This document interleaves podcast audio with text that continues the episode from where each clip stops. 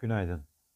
Türkiye Cumhuriyetimizin kurucusu Mustafa Kemal Atatürk'ümüzün ebediyete intikalinin 83. yılında saygıyla ve rahmetle anıyoruz. Dün Amerika'da açıklanan üretici fiyatları Ekim'de beklentiler dahilinde artış gösterdi. Üretici fiyat endeksi aylık bazda %0.6 artarak e, yıllık bazda ise %8 nokta artışla rekor seviyelerdeki yükselişini sürdürdü. Almanya'da yatırımcıların ekonominin görünümüne ilişkin eğilimlerini gösteren ZÜV endeksi Kasım ayında 31.7 ile 20 seviyesindeki beklentilerin üzerinde gerçekleşti. Çin'de bu sabah açıklanan tüketici fiyat endeksi Ekim ayında %0.7'lik artışla beklentilere paralel gerçekleşti.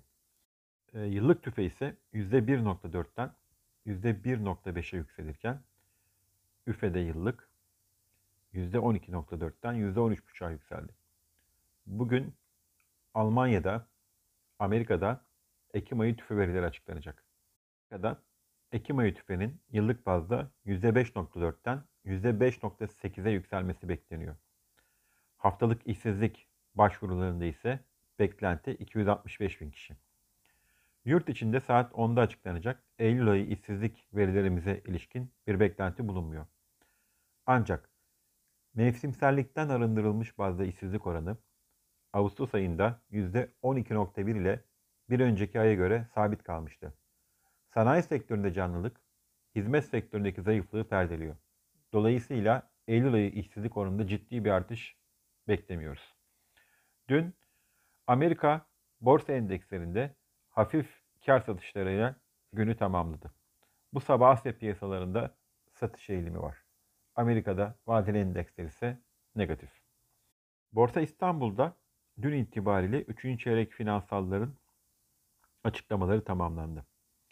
E, BIST 100 endeksi e, dünkü işlemlerde %0.44 artışta 1615 puan seviyesinden günü tamamladı.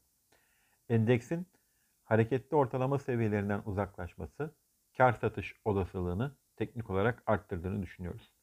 1597 destek seviyelerine doğru geri çekilmeler makul ve mevcut 1597 destek seviyesi üzerinde endeksin teknik olarak yükseliş eğilimini devam ettirmesi beklenebilir. Mevcut destek seviyesinin kırılması durumunda ise kar satış eğilimi 1570 puan seviyelerine doğru sürebilir. İyi günler, bereketli kazançlar.